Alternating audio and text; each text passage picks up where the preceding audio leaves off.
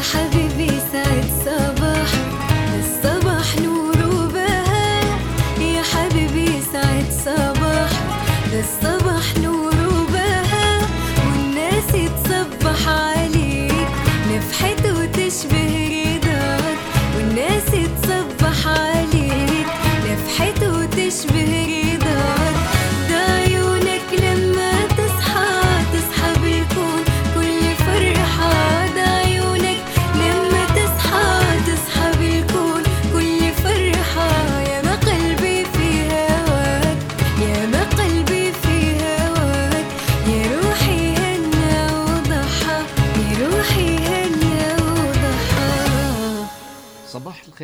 الخير يا عدن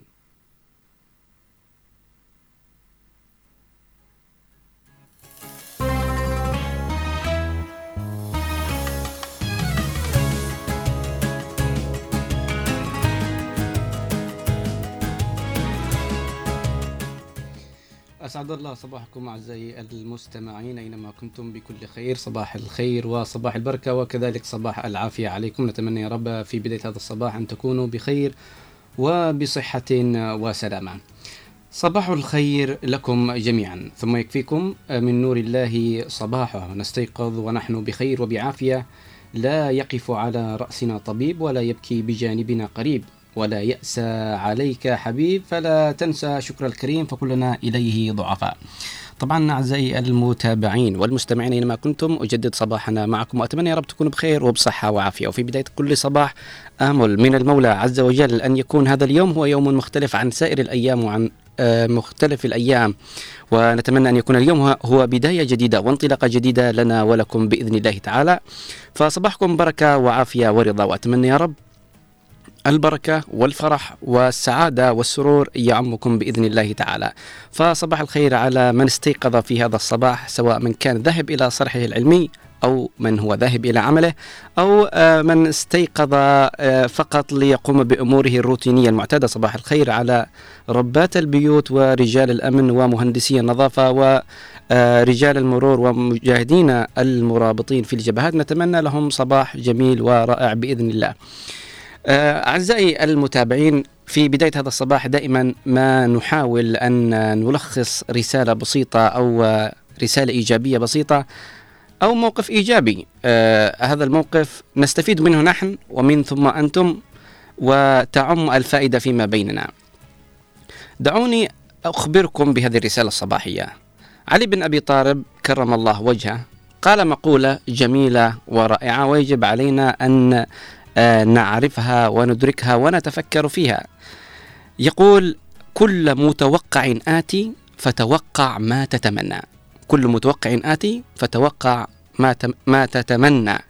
هو الذي قال محمد النبي أخي وصهري وحمزة سيد الشهداء عمي وجعفر الذي يضحي يضحي ويمسي يطير مع الملائكة ابن أمي وبنت محمد سكني وعرسي ومشوب لحمها بدمي ولحمي وصباط أحمد والدي منها فمنكم له سهم كسهمي.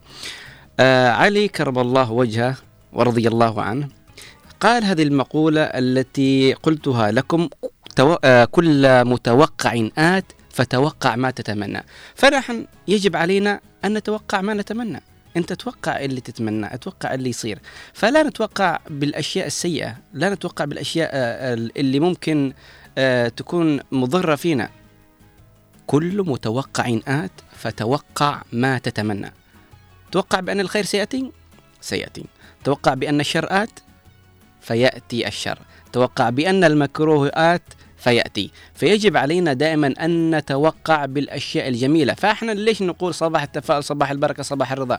رغم أنه أحيانا ما في كهرباء ما في ماء والأوضاع سيئة والوضع الاقتصادي متردي لكن إحنا نقول الأشياء اللي نتمناها على وعسى وفي يوم من الأيام تتحقق أمانينا. فأنت لا تناجي أحد بتفاؤلك هذا أنت تناجي المولى عز وجل اللي فوق فوق الجميع. أنت لما تتفائل أنت مش عشان إنك تبين إن للناس إنك ما تفكر بأي حاجة لا بالعكس.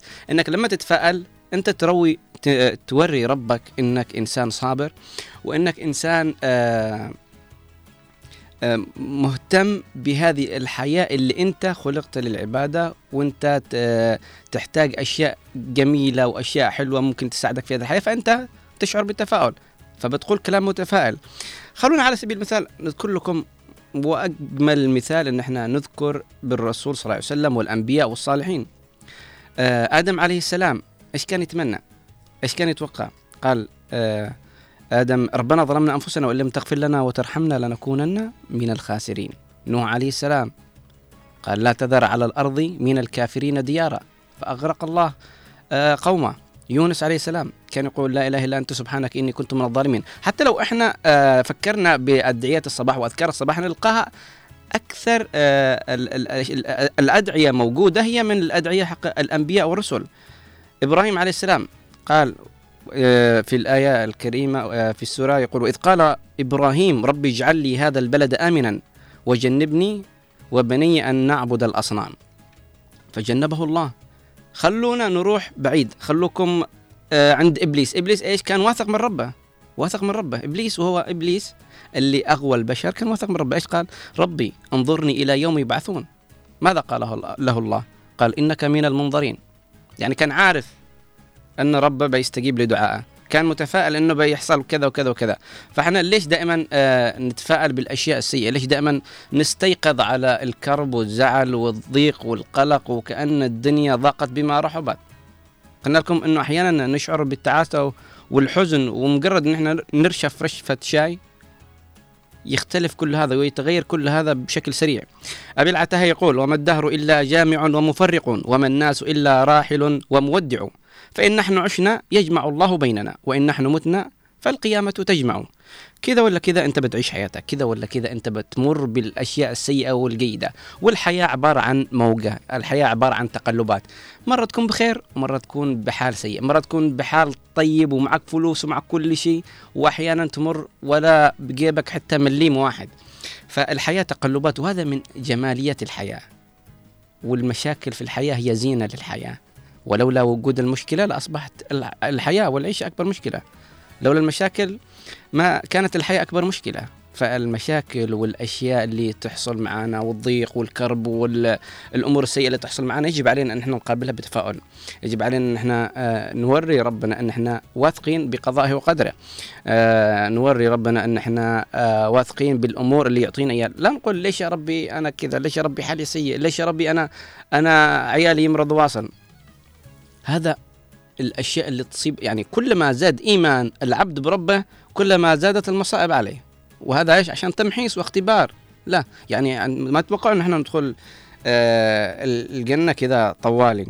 لا. أو إن إحنا آه بتلك السهولة أو بأعمالنا. إحنا ما حد واثق. زي ما قلنا أمس أنا وزميلي غسان إنه ما فيش أحد بيكون آه بيدخل الجنة بعمله الطيب. يعني بالنهاية ما حد واثق 100% إنه بيدخل الجنة بعمل طيب. وإنما برحمة الله سبحانه وتعالى. فإحنا أول شيء يجب علينا أن نفهم إن إحنا لما نتفائل لما نقول كلام إيجابي لما نثق بربنا كما وثق به الأنبياء والمرسلين وحتى إبليس اللعين. وكلام علي علي بن أبي طالب آه، كرم الله وجهه عندما قال كل متوقع آتي فتوقع ما تتمنى فنحن دائما يجب علينا نتوقع ما نتمنى. أصيب أحد بمكروه نقول إن شاء الله يكون بخير. أصابتنا ضراء قلنا الحمد لله على كل حال. كيف الوضع معك؟ نقول الحمد لله ماشي الحال إن شاء الله يكون كل شيء بخير. لا نقول والله زي الزفت. أحيانا نقولها أحيانا نقول والله زي الزفت. أحيانا نقول والله الأمور سيئة أحيانا تقول الدنيا معصودة لكن هناك صوت في داخلك على أنه أنا عندي أمل بالله سبحانه وتعالى. والكلام هذا لا أقوله يعني اعتباطا أو أدلس الكلام أو أحاول أقول كلام أنا لا أفهمه ولا أعيه وإنما أنا مريت بمراحل وكنت في حال كذا وفي حال كذا. لكن عندما يعرف المرء أو يدرك في لحظة من اللحظات عندما يصبح في حال سيء وعندما تنقلب الدنيا عليه والكرب والحزن والضيق أكيد بيقول أشياء سيئة. لكن في لحظة من اللحظات بيعرف أن ما يصيبه من مكروه إلا برحمة من الله سبحانه وتعالى. آه الدعاء كذلك الدعاء يا جماعة مغير للقدر. الدعاء مغير للقدر. والله سبحانه وتعالى آه عندما نوقن ونثق بأن ما نقوله هو يسمعه فنبشر بكل خير. فدائما حتى يعني من حكمة الله ومن رأفته بنا أنه حتى الشوك اللي نشتكها ونحن ماشيين بالطريق تكفر عنا سيئات. فإحنا دائما عايشين برحمته وعايشين بلطفه فلا بد إن إحنا نكون متفائلين. متفائلين مش عشان أي أحد يقول عنه والله هذا شخص إيجابي مش فاهم فاهم بالحياة وماشي صح هذا أكثر واحد فاهم الحياة. لا يا جماعة مش أي واحد إنه يضحك أمامكم إنه فرحان أو إنه سعيد معناه إن الدنيا بخير معه أو إنه مش مهموم أو إنه ما عنده أي مشاكل. بالعكس يجب علينا إن إحنا نعرف مش أي واحد يظهر لنا شيء معناته إنه أوكي ما في عليه أي مشاكل. في ناس يضحكوا ويلعبوا مع الآخرين بس ما يحبوا يشكوا همومهم الآخرين. في ناس عندهم أهالي مريضين ما, ما تغدى ما أكل ما شرب ما عنده فلوس بس يضحك مع الآخرين ويكون حاله ميسور. وما يوريهم إنه في حاجة امثل حاجة للآخرين لا. هؤلاء الناس عزيزين نفس هؤلاء الناس متفائلين. بأن الغد بيكون أفضل بأن الله معهم بأن آه ما من شيء سيحدث بهذا العالم إلا بمقاديره سبحانه وتعالى. فإحنا يعني إذا كانت الرسالة آه واضحة يجب علينا دائما يعني أوكي إحنا بنمر بمشاكل إحنا بنعصب إحنا نسب لكن لابد إن إحنا نعرف إنه الله قادر على كل شيء وإنه بدعوانا وبتفاؤلنا سيتغير كل شيء. ولو بس نعرف القصص حق الصالحين ونعرف قصص الأنبياء نقرأها صح لأنه في كثير من الناس مش عارفين إيش قصص الأنبياء مش عارفين إيش قصة النبي هود مش عارفين آه، قصة النبي يونس. كذا حافظين إنهم عندنا أنبياء أيوه. طب عارف إيش قصصهم؟ لا. فإحنا لما ندرس ال- السيرة أو ندرس التاريخ الإسلامي بنعرف أشياء كثيرة جدا نجهلها. نعرف أشياء عمرنا ما تخيلناها. فأنا ما أكلمكم كذا على أساس إن أنا إنسان آه، مهتم بشكل كبير جدا وإنما على حسب ما أقرأ وما آه، أشاهد فكلنا مقصرين كلنا مقصرين ما فيش أحد آه، ممتاز بالعبادة أو بهذه الأمور ولكن على وعسى في يوم من الأيام نصير أحسن ونصير أفضل ونتقرب من الله سبحانه وتعالى بال- بالتفاؤل إن الغد بيكون أفضل وإن الله قادر على كل شيء وإن كل شيء ممكن يتغير طالما إحنا غيرنا تفكيرنا ونظرتنا للحياة. فأتمنى يا رب آه، مقولة علي بن أبي طالب كرم الله وجهه كل متوقع آت فتوقع ما تتمنى.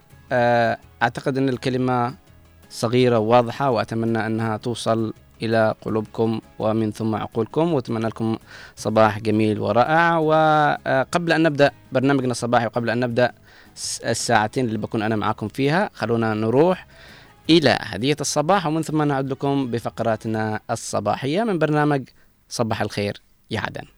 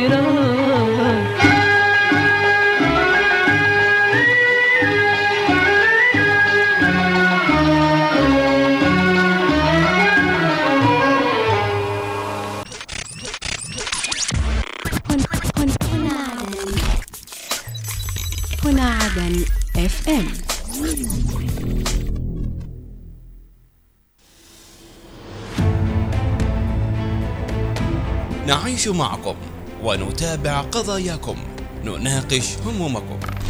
المواطن أو المستمع يقول لك يعني نسمع عن كذا كذا وكيل وكلا وكلا بالكيلو. لا معلمين لا كتاب مدرسي. الناس في ظل هذا الوضع المزري. لا خدمات لا رواتب لا معاشات. ترفعوا رسائل وما حد يقرأ رسائلكم. لا لا الآن اللي بيسمعوك بيقولوا هذا الكلام لا يودي ولا يقيس المجتمع يعرف المجتمع يعرف يعني إيش دوركم. فرسائلكم مسموعة وأينما كنتم ننقلها إلى المعنيين في برنامج وطني. وطني من الأحد إلى الخميس في تمام الساعة التاسعة صباحا.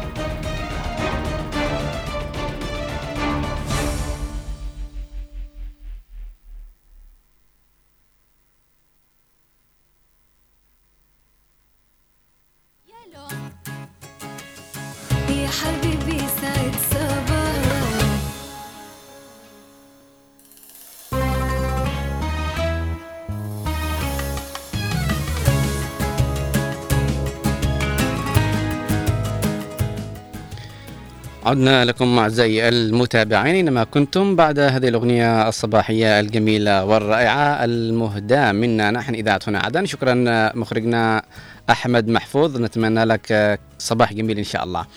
آه، أعزائي المتابعين دعونا نبدأ فقرتنا الصباحية ودائما ما نستهل فقرتنا الصباحية بمعرفة حالة الطقس. دعونا نأخذ لفة بسيطة وجولة عن. على محافظتنا الجنوبية ونتعرف عن الأجواء.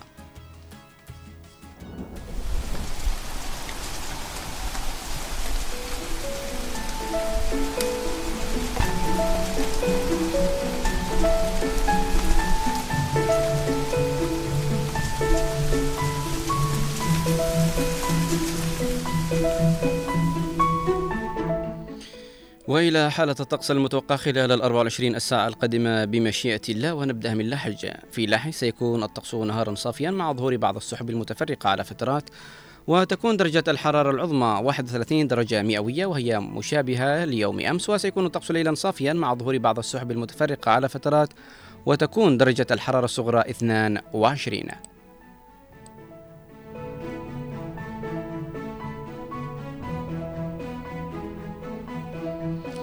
ومن لحج إلى يافا يافا سيكون الطقس نهارا غالبا صافيا وتكون درجة الحرارة العظمى 26 درجة مئوية.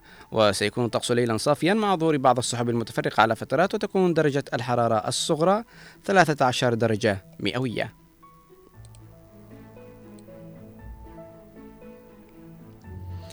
ومن يافع إلى أبين أبين سيكون طقسها في النهار صافيا مع ظهور بعض السحب المتفرقة على فترات وتكون درجة الحرارة العظمى 30 درجة مئوية وسيكون الطقس ليلا صافيا مع ظهور بعض السحب المتفرقة على فترات وتكون درجة الحرارة الصغرى 23 درجة مئوية.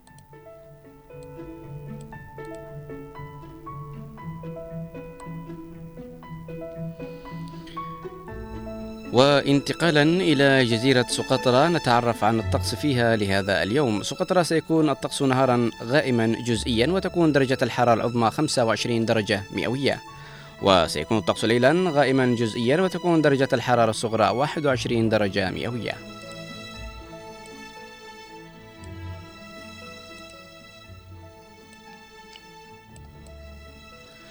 وانتقالا إلى الضالع الضالع سيكون الطقس نهارا صافيا مع ظهور بعض السحب المتفرقة على فترات وتكون درجة الحرارة العظمى 25 درجة مئوية.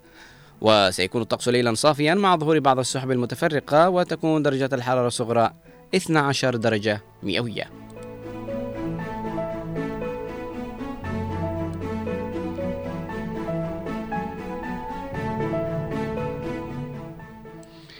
ومن الضالع إلى آه، محافظة حضرموت. نتعرف عن الطقس والأجواء فيها. حضرموت آه، في الطقس آه، نهارا سيكون درجة الحرارة العظمى 28 درجة مئوية وسيكون الطقس ليلا صافيا مع ظهور بعض السحب المتفرقة على فترات وتكون درجة الحرارة الصغرى 19 درجة مئوية.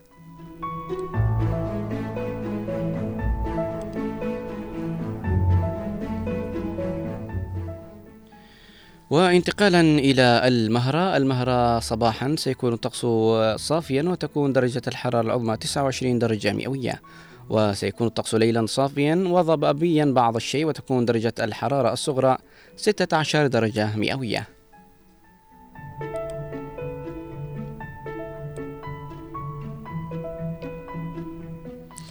وإلى شبوة. شبوة سيكون الطقس فيها نهارا غالبا صافيا وتكون درجة الحرارة العظمى 29 درجة مئوية. وسيكون الطقس ليلا صافيا مع ظهور بعض السحب المتفرقة على فترات وتكون درجة الحرارة الصغرى 13 درجة مئوية.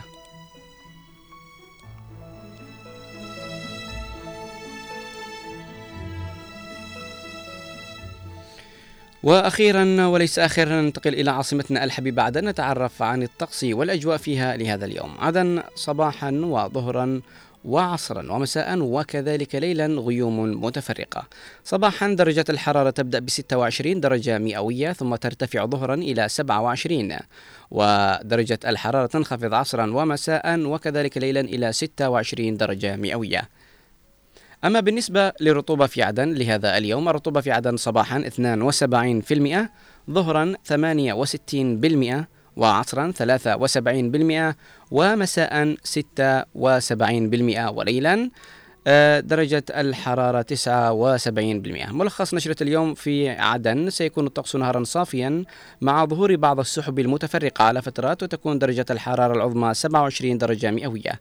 وسيكون الطقس ليلا صافيا مع ظهور بعض السحب المتفرقة وتكون درجة الحرارة الصغرى 25 درجة مئوية.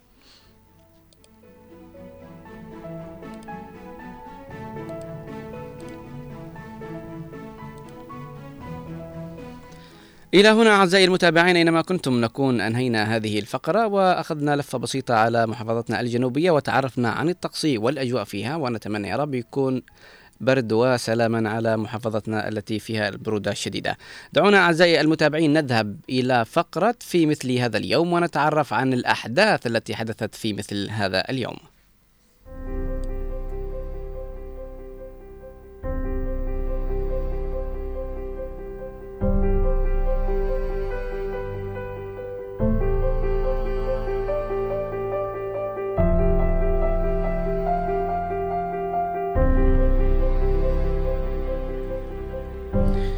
في مثل هذا اليوم في السابع والعشرين من ديسمبر. في السابع والعشرين من ديسمبر سنة 537 الانتهاء من بناء كاتدرائية آيا صوفيا في القسطنطينية. وفي مثل هذا اليوم عام 1875 تأسيس جريدة الأهرام المصرية وقد صدر العدد الأول منها في 5 أغسطس عام 1876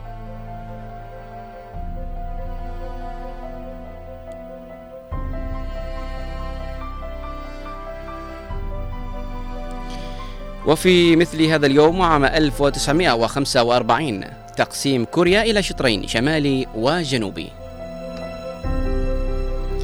وكذلك من نفس العام عام 1945 إنشاء البنك الدولي وصندوق النقد الدولي.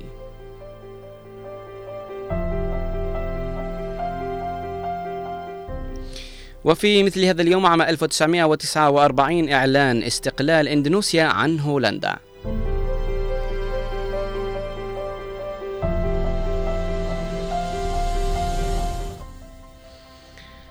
وفي مثل هذا اليوم عام 1966 الولايات المتحدة وفيتنام الجنوبية يشنان هجوما مشترك على أحد معاقل الفويكينغ وأكثرها أمانا.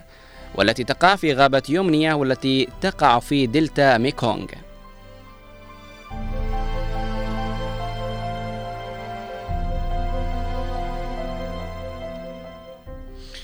وفي مثل هذا اليوم عام 1979 الاتحاد السوفيتي يرسل 75 ألف جندي لأفغانستان لتعزيز حكم بابراك كارمل الزعيم الجديد للدولة وفي محاولة لتوفير الاستقرار السياسي للوضع السياسي المضطرب.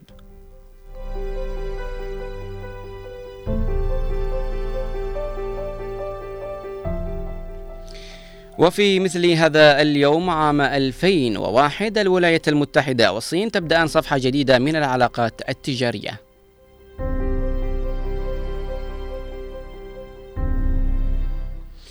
وفي مثل هذا اليوم عام 2013 اغتيال المستشار والوزير اللبناني السابق محمد شطاح بانفجار استهدف سيارته في بيروت.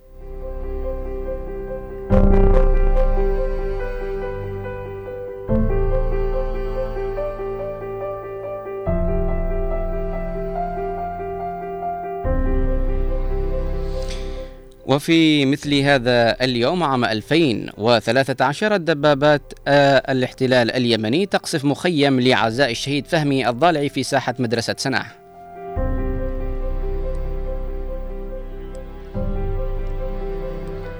ومن مواليد هذا اليوم.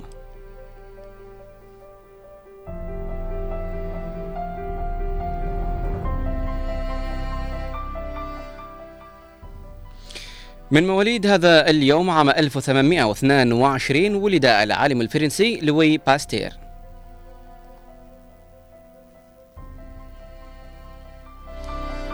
ومثل هذا اليوم عام 1921 تو آه، ولد مفكر وطبيب وكاتب وأديب مصري مصطفى محمود.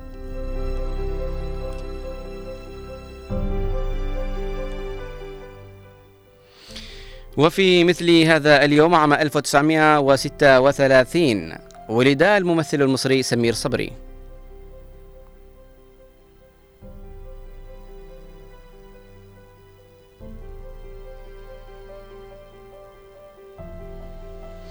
وفي مثل هذا اليوم عام 1965 ولد الممثل الهندي سلمان خان.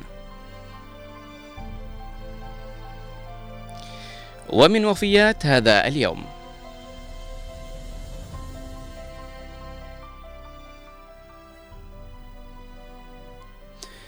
من وفيات هذا اليوم عام 1982 توفي الكاتب والشاعر والسياسي السوري أحمد مظهر العظمة.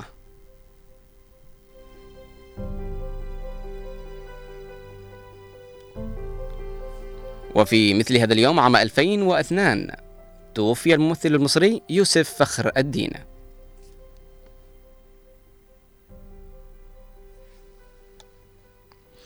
ومن الأعياد والمناسبات لمثل هذا اليوم.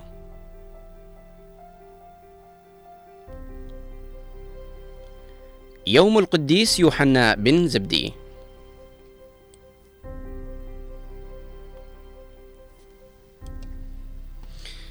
إلى هنا أعزائي المتابعين أينما كنتم نكون أنهينا هذه الفقرة وأخذنا جولة وتعرفنا عن الأحداث التي حدثت في مثل هذا اليوم وتعرفنا كذلك على المواليد والوفيات وكذلك الأعياد والمناسبات. دعونا نذهب إلى جولة سريعة وبسيطة إلى المواقع الإخبارية لنتعرف عن آخر الأخبار والمستجدات في الجنوب. فكونوا معنا في فقرة حلو الأخبار.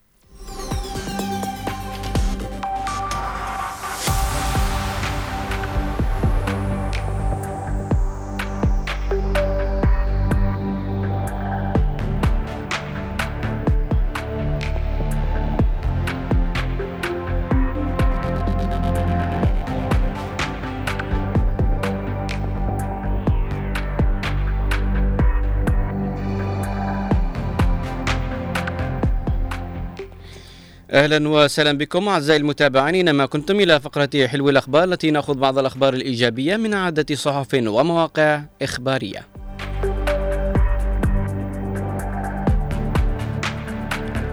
وبداية نزور الموقع الرسمي للمجلس الانتقالي الجنوبي وفيه نقرأ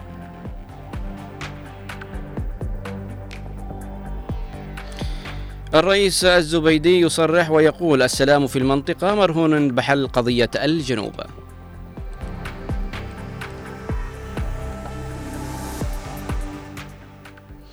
ومن بند أخبار الجنوب رئيس تنفيذية انتقال لاحج يلتقي رئيس الهيئة العامة لتنظيم النقل البري بالعاصمة عدن.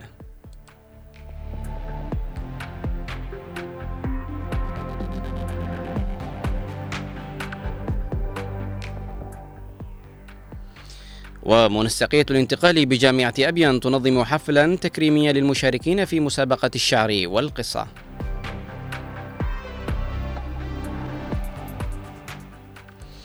وانتقالا إلى موقع وصحيفة 4 مايو وفيه نقرأ.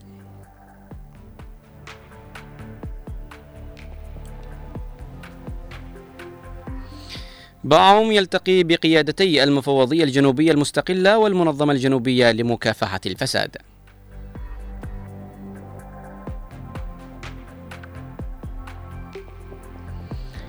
أمانة الانتقال تنظم محاضرة بعنوان مضيق باب المندب احتمالات الحرب وموقع الجنوب.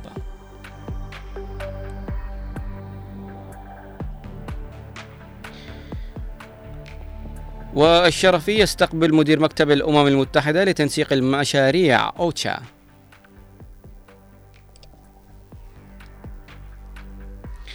مأمور دار سعد يناقش مكتب التخطيط والتعاون الدولي للبرنامج الاستثماري 2024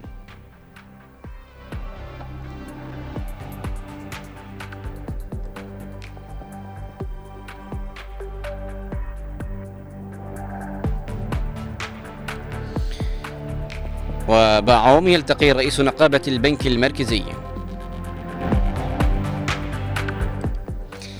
الداوودي ومعاوية يتسلمان مشروع إعادة تأهيل جولة الكريمي القاهرة من الجهة الممولة.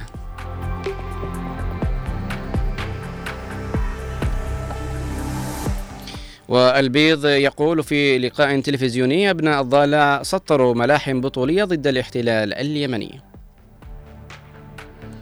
وانتقالا إلى موقع وصحيفة عدن تايم ومن بند أخبار عدن نقرأ لكم.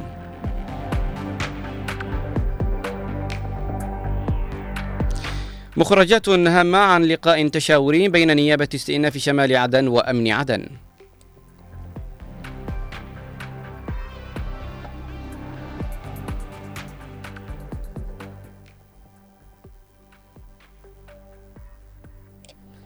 ومن عدن تايم إلى بند أخبار المحافظات نقرأ لكم. حفل تكريمي للشباب بالمكلا تدشين عدد من مشاريع القطاع الصحي بوادي حضرموت. ومحافظ سقطرى يوجه بتفعيل الجهاز المركزي للإحصاء في المحافظة.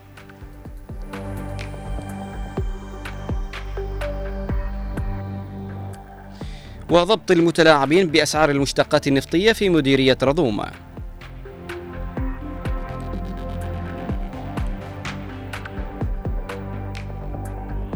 وتدشين صرف مستحقات الحوالات النقدية لمستفيدي صندوق الرعاية الاجتماعية بلحج.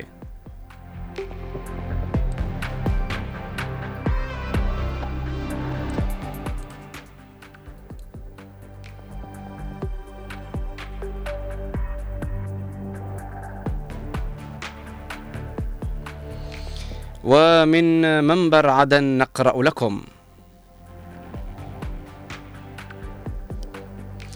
لقاء بعدن لبحث وتنسيق الجهود المشتركة لمكافحة السجائر المهربة ضبط كميات من. الوقود في المحطات عقب الامتناع عن بيعها بشبوة وانتقالا إلى درع الجنوب الموقع الرسمي للقوات المسلحة الجنوبية وفيها نقرأ.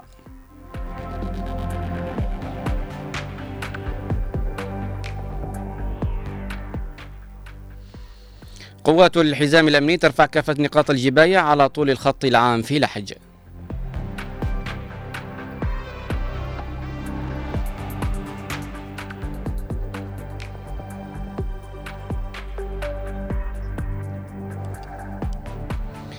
مصدر أمني يوضح أسباب احتجاز المواطن محمد شكيب بشرطة الشيخ عثمان.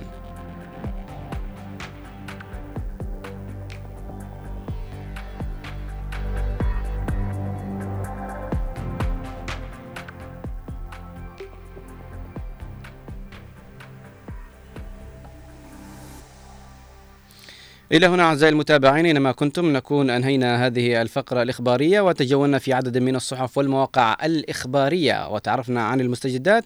دعونا نذهب إلى فاصل قصير ومن ثم نعود لكم.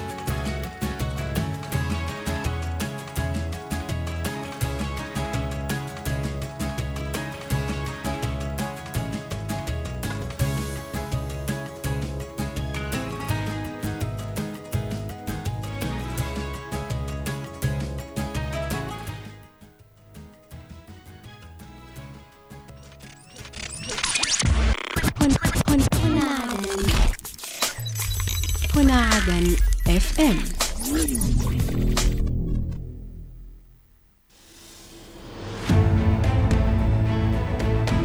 نعيش معكم ونتابع قضاياكم. نناقش همومكم.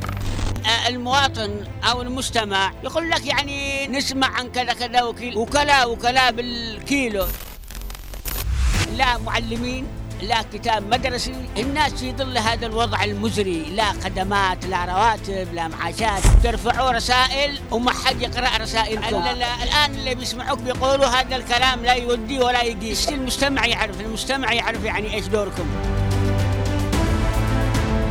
فرسائلكم مسموعة وأينما كنتم ننقلها إلى المعنيين في برنامج وطني. وطني من الأحد إلى الخميس في تمام الساعة التاسعة صباحا.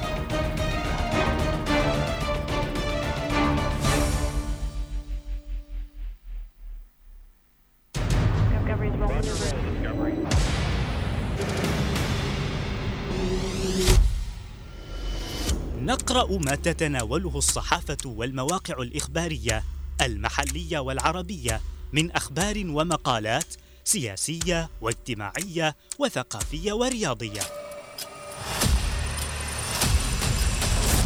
لا تتفرقوا على الشعب هذا ذليتوا لا تذلوا شعب عظيم. أنا على هذا الوضع أنشقى على ثلاثة إيتام. ثلاثة إيتام. تعال. لا إمكانية معانا. لا راتب زي ما الدولة. لا أسعار. عبرت تنفيذية انتقال العاصمة عدن. عقدت هيئة المرأة. كانت ميليشيا الحوثي الإرهابية قصفا عشوائيا. نهبط الآن سويا ضمن النشرة إلى الملف الرياضي. كنترول وكرة يا الله. والهدف الأول. انفجار جماهيري نواكب فيها كل المستجدات وننقلها لكم في برنامج زاوية الصحافة. زاوية الصحافة من السبت للخميس الثاني عشر والنصف ظهرا. جولة إخبارية على هنا عدن إف إم.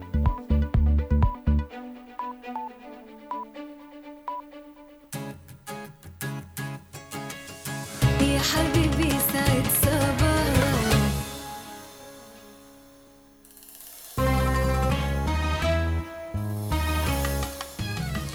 عدنا لكم أعزائي المتابعين أينما كنتم ونجدد صباحنا معكم نقول لكم صباح الخير والبركة والرضا. أعزائي المتابعين دعونا نذهب إلى فقرة بريد اليوم وسيكون معنا من بريد اليوم زميلنا الرائع والمراسل رائد علي شائف ونقول صباح الخير. ورد عليك زميل غيث ولكل مستمعينا الكرام عبر أثير هنا عدن وفي هذه الإطلالة الصباحية المتجددة. صباحك فل ورد وياسمين ونتمنى يا رب تكون بخير وصحة وعافية. أخبرنا عن الأجواء في الضالع. هل برد شديد؟ بالفعل غاية الطقس الشتوي البارد مستمر هنا في الضالع. صباح اليوم الأجواء آه، صحوة شوي ومشمسة لكن رغم برودتها ال- الشديدة. نعم. آه، آه، أخبرنا عن المستجدات في الضالع وخاصة زيارة الرئيس القائد عيدروس قاسم الزبيدي. نعم غاية يوم أمس كانت زيارة زيارة الرئيس القائد عيدروس الزبيدي لمحافظة الضالع حيث ترأس من خلالها آه، آه، لقاء موسع في محافظة الضالع ضم قيادة السلطة المحلية وأيضا المجلس الانتقالي بالمحافظة إلى جانب قيادة وأعضاء اللجان المجتمعية ومنظمات المجتمع المدني وكذلك قطاعي الشباب والمرأة على مستوى المحافظة. كان الرئيس آه، خلال هذا اللقاء قد أكد على أهمية تضافر الجهود بين جميع المكونات والشرائح الاجتماعية على مستوى المحافظة في سبيل آه، طبعا الإسهام في خدمة المحافظة والعمل على ت- تنميتها. كما استعرض أيضا في كلمة له مستجدات العملية السياسية وبالذات فيما يتعلق بالحل السياسي وموقع الجنوب وقضيته الوطنية في ذلك. وأيضا آه، أكد على أن المرحلة التي يعيشها شعب الجنوب تعد آه، مرحلة مفصلية وأيضا تتطلب توحيد الصفوف للمضي قدما آه، نحو تحقيق أهداف الثورة الجنوبية المتمثلة باستعادة آه، الدولة كاملة آه، السيادة. كان أيضا الرئيس القائد آه، غير خلال ال- ال- يوم أمس قد عقد اجتماع موسع آه، في على مستوى ال- الاجتماع عسكري. آه، حضرته قيادة آه، آه، قيادات عسكرية قيادة الألوية والوحدات العسكرية ومحور الطالع والعملية العسكرية هنا في المحافظة وأيضا قيادات أمنية. آه، شدد الرئيس خلالها على مواصلة التحلي باليقظة الدائمة والجهوزية القتالية العالية في مختلف جبهات القتال وأيضا على مستوى الوضع الأمني هنا في محافظة الضالع. نعم. آه، أخبار آه، مبشرة بإذن الله تعالى ونتمنى أن يكون كل شيء بخير. هل ما زال في قعبتك بعض الأخبار أو نكتفي بهذا القدر؟ آه، نعم غاية ربما نختم من حدث يوم آه، كانت آه، شهدت المحافظة اختتام دورة تدريبية للإعلاميين حول الأمن الرقمي آه، نفذتها منظمة صدى واستمرت لمدة أربع أيام هذه الدورة آه، التي دشنت طبعا مطلع الأسبوع وتحديدا يوم السبت الماضي كانت قد استهدفت عدد خمسة آه، 15 إعلامي وناشط تلقوا من خلالها عدد من المهارات والمعارف اللازمة حول أهمية الأمن الرقمي وأيضا كيفية حماية معلوماتهم وحساباتهم عبر شبكة الإنترنت نعم. ممتاز جدا أشكرك زميلي رائد علي شائف على عفواً. هذه الأخبار في أمان الله ونتمنى لك نهار سعيد إن شاء الله. مع السلامة. طبعا زميل رائد علي شايف خبرنا أن آه، الرئيس القائد عيدروس قاسم الزبيدي اجتمع بالقيادات والسلطة المحلية واللجان المجتمعية والجميع وكان آه، الاجتماع يحثهم على التواصل والتقدم وبذل الجهود في خدمة الشعب. وكذلك كان هناك اجتماع عسكري وكذلك مع القيادات الأمنية و آه، آه، أخبرهم بأن تكون تكون ال- الجهوزية القتالية عالية وأن يستمروا في الدفاع في كافة الجبهات.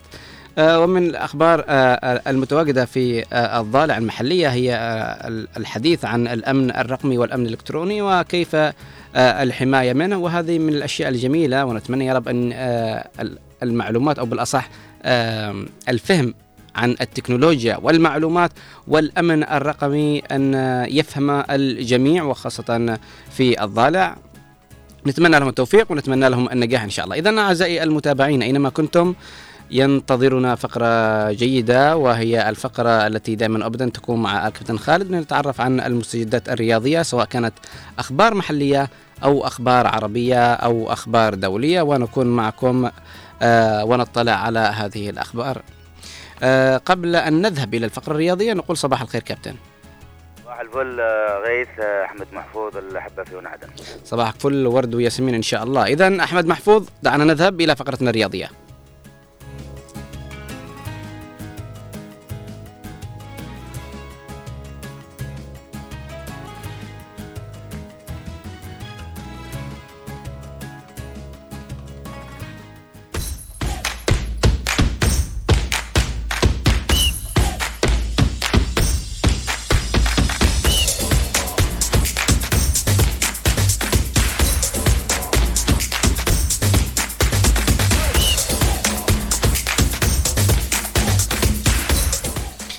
عودة سريعة لكم مستمعينا ومشاهدينا الكرام أينما كنتم إلى فقرتنا الرياضية التي دائما وأبدا مع الكابتن خالد. كابتن خالد أنا نبدأ اليوم بالأخبار المحلية ونتحدث عن الحفل الختامي الذي أقيم.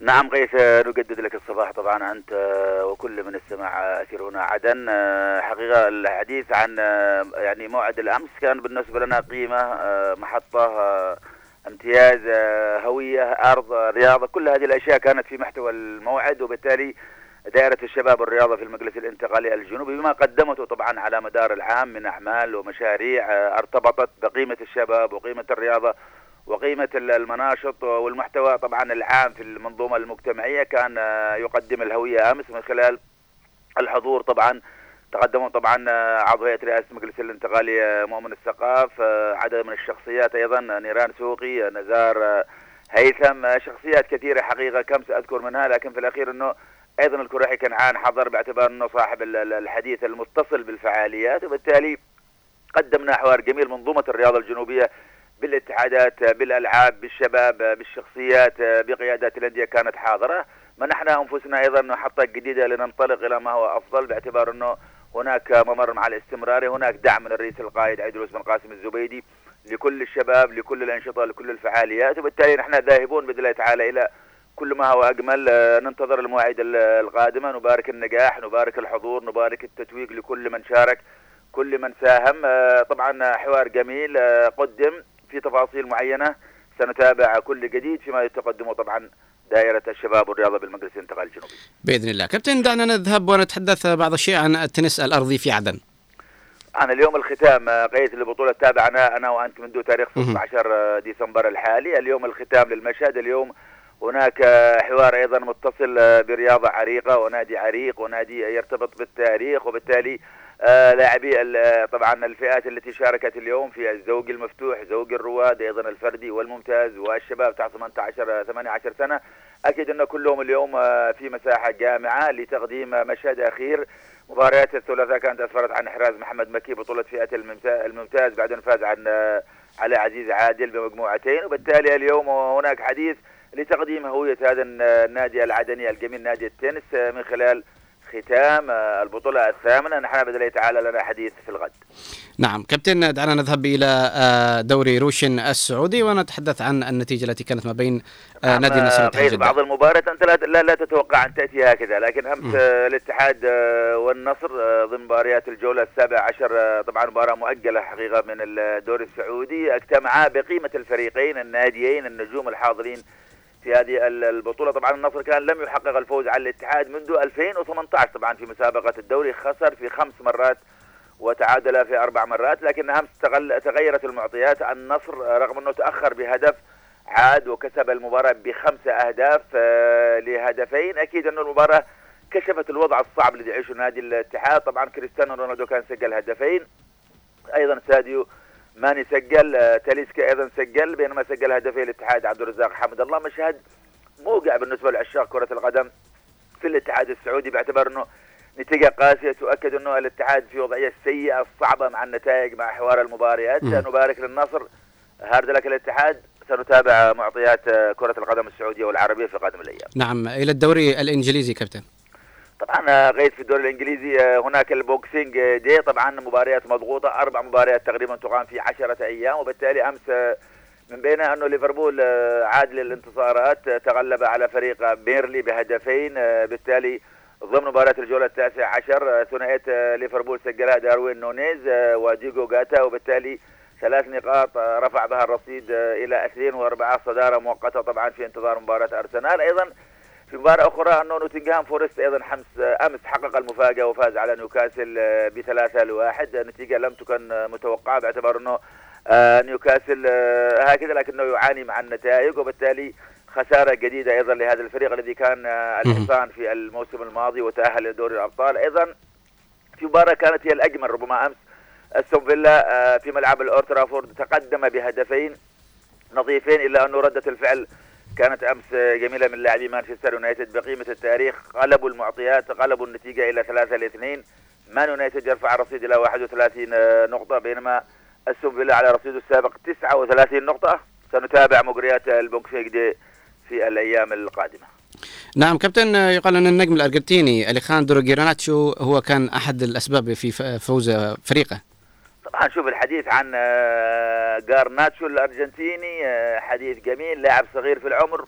حقيقة أمس إنه كان آه، سجل وبالتالي جارناتشو ب 19 عاما و178 يوم أصبح أصغر لاعب يسجل هدفين في موضوع ال- ال Boxing Day طبعا في الدوري ال- الإنجليزي. وبالتالي تخطى السابق طبعا روني اللي كان ب 20 عام و13 يوما ومثل هذه الإحصائيات هي بحسب طبعا شبكة أوبتا للإحصائيات أشياء جميلة ترتبط بقيمة لاعب ينطلق بالمشوار مع كرة القدم ما زال صغير لكنه يقدم هوية لاعب كبير ناتشو أو جراناتشو بالأصح يمر على خارطة نجومية كرة القدم الأرجنتينية يقدم أداء جميل مع أنه عمره صغير لكنه أداؤه كبير مثل ما قلت. أكيد نحن لنا حديث متصل دائما بنجوم كرة القدم العالمية نعم كابتن. كابتن آه، آه، إذا انفردنا بالحديث عن كريستيانو رونالدو ماذا نقدر أو نستطيع أن نقول فيه؟ رونالدو حديث خاص مع كرة القدم آه، غيث آه، في العام 2023 هذا اللاعب وهو يقترب من آه، ال 39 عام كان أمس سجل هدفين وبالتالي يرفع رصيده في كل البطولات إلى 53 هدف. لم يكن أحد يتوقع أنه رونالدو الذي جاء من نجومية الدوري الأوروبي إلى دوري عربي هنا في المملكة العربية السعودية. آه، ممكن أن يحقق هذه الأشياء لكن كاريزما اللاعب شخصية اللاعب قدرات اللاعب آه، طموح اللاعب آه، كاريزما اللاعب كل هذه الأشياء تصنع الفارق اليوم. رونالدو حتى وإن كان في الدوري العربي السعودي ليس هناك لاعب بقيمة رونالدو. وبالتالي صحيح. رونالدو أصبح الهد- الهداف الأول طبعا على مستوى العالم ب 53 هدف أكيد أنه شيء جميل. آه، هناك آه، رونالدو يتفوق على إيرلينج هالاند على ما- مهاجم مانشستر يونايتد. يت- أيضا هو آه، يتخطى كين ومبابي وبالتالي حديث جميل آه، غيث ما زال فيه المزيد. سنتابع أنا وأنت في كل صباح على اثير عدن نعم كابتن آه، سؤال كذا خارجي أو جانبي يعني. ف- تفضل. فالبعض يقول أن كريستيانو رونالدو عندما غادر ريال مدريد أزيح التاج من شعار ريال مدريد. ما رأيك بهذا الحديث؟ والله طبعا أنت تعرف آه، كرة القدم آه، متنفس للجميع ال- ال- التعبير آه، وتعبير ألوان تعبير محبة تعبير انتماء النجوم هم ملك ل- ل- لعشاق كرة القدم. هذا يتحدث هنا وهذا هناك لكن تظل المعطيات غيث إنه هناك تاريخ يكتب بالأرقام بالمعطيات بالبطولات. كريستيانو رونالدو هو حديث متصل أكيد في تاريخ ريال مدريد. لن يذهب سدى لأنه حقق كل شيء مع ريال مدريد وبالتالي نحن أكيد أنا وأنت في كل صباح سن- سنتابع هذه الأشياء.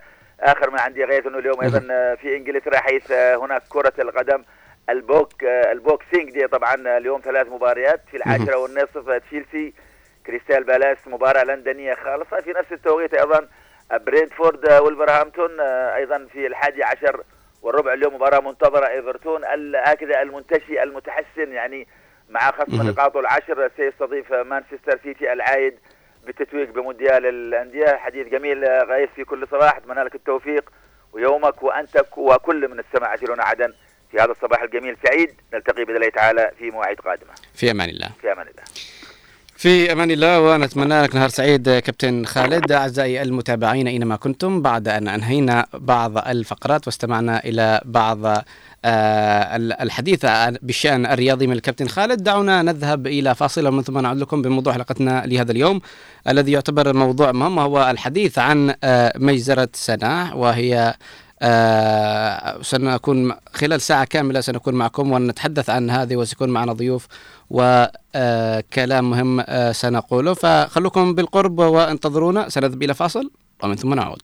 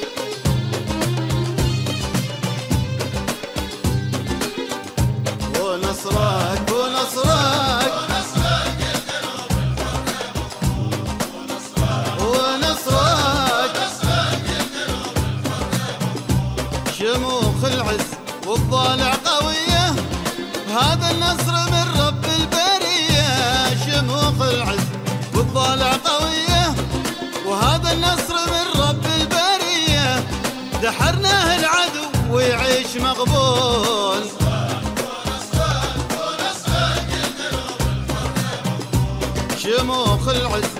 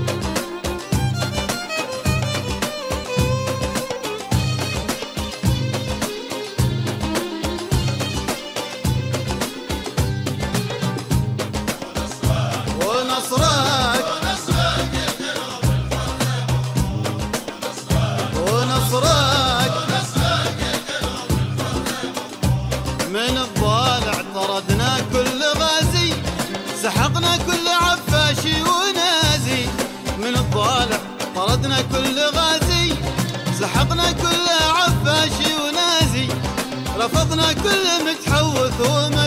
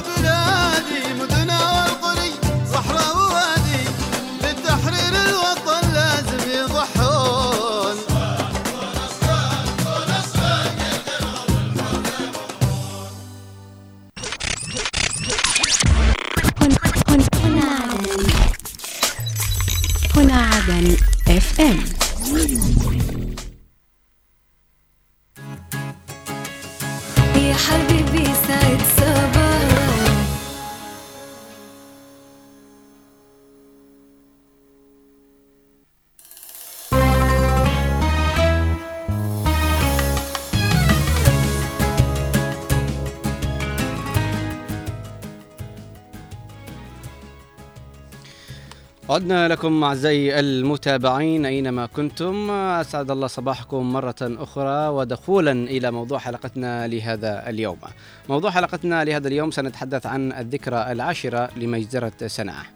وفي هذا اليوم من السابع والعشرين من ديسمبر عام 2023 قبل عشر سنوات كان هناك مجزرة شنيعة التي ارتكبتها القوات اليمنية الغازية في حق أبناء الجنوب آه، بقيادة مجرم الحرب اللواء الثلاثين مدرع عبد الله الضبعان في يوم الجمعة الموافق 27 ديسمبر عام 2013 هذه المجزرة التي راح ضحيتها 15 شهيد وعشرات الجرحى آه، في منطقة سناح بمحافظة الضالع جنوب جنوبنا. وبالتزامن مع هذه الذكرى آه، يجب علينا أن نذكر أن دماء شهداء الجنوب. لن يذهب هدر وسيظل آه، آه، الصمود والثبات والإصرار على الاستعادة استعادة الدولة الجنوبية آه، باقي حتى مماتنا. طبعا ممثل الإدارة العامة أو الإدارة العامة للشؤون الخارجية في المجلس الانتقالي قالوا أن في السابع والعشرين من ديسمبر عام 2013 وجه جنود اللواء الثلاث وثلاثين فوهات الدبابة صوب مدرسة سناح في الضالع أثناء اجتماع عزاء وقتلت الأطفال والرجال في مشهد لا يمكن نسيانه وبكل برود تعاملت السلطة مع الحدث ولم تعاقب حينها أحد. وهذا الأمر الذي لن نسكت عنه وسنتذكره كل يوم وحتى آه، يعاقب مجرم الحرب من أشار ومن دفع جنوده بالقيام بهذه المجزرة. قبل أن نخوض في الحديث أكثر أعزائي المتابعين دعونا نذهب إلى تقرير عن هذا الموضوع عن مجزرة السناح والذكرى العاشرة ومن ثم نعود لكم. نذهب إلى التقرير فخلوكم بالقرب.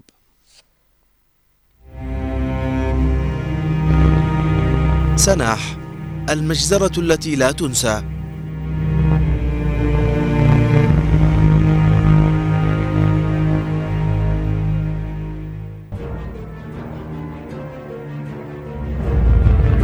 في مثل هذا اليوم السابع والعشرين من ديسمبر كانت مجزرة كبرى يندى لها الجبين.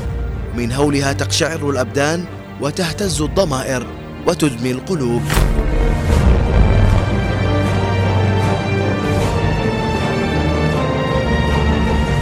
جريمة بشعة يأبى الوجدان الجنوبي أن ينساها من هول بشاعتها. في ذلك اليوم المشؤوم حلت الكارثة بوقوع هذه المجزرة الدموية بحق أبناء الضالع التي سقط ضحيتها عشرات الشهداء والجرحى إثر قصف دبابات اللواء 33 في جيش الاحتلال اليمني بقيادة المجرم عبد الله ضبعان في ساحة مدرسة سناح بالضالع. استهدفت جموع المعزين في مخيم عزاء الشهيد فهمي.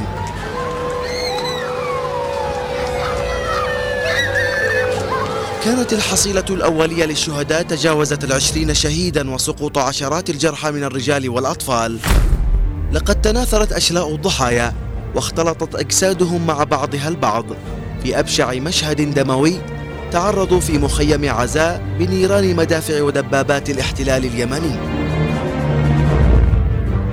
كان يوما دمويا عندما أعلنت تلك القوات الإجرامية أنها ماضية على ترسيخ الوحدة المشؤومة بجنازير الدبابات وأزيز المدافع وإخضاع أبناء الجنوب لقوة السلاح والقبول بتلك الوحدة بعد أن ماتت في مهدها أثناء اجتياح الجنوب في العام 94 والتي ظلت تنازع سكرات الموت على مدى عقدين من الزمن أملا أن تفيق من سباتها بعد موتها الأول. بالرغم من هذه المجزرة الدموية والمجازر التي قبلها وما بعدها التي ارتكبت بحق شعب الجنوب ومنذ الوحدة المشؤومة وبكل إصرار المضي والسير قدما على نهج التحرير والاستقلال واستعادة الدولة الجنوبية.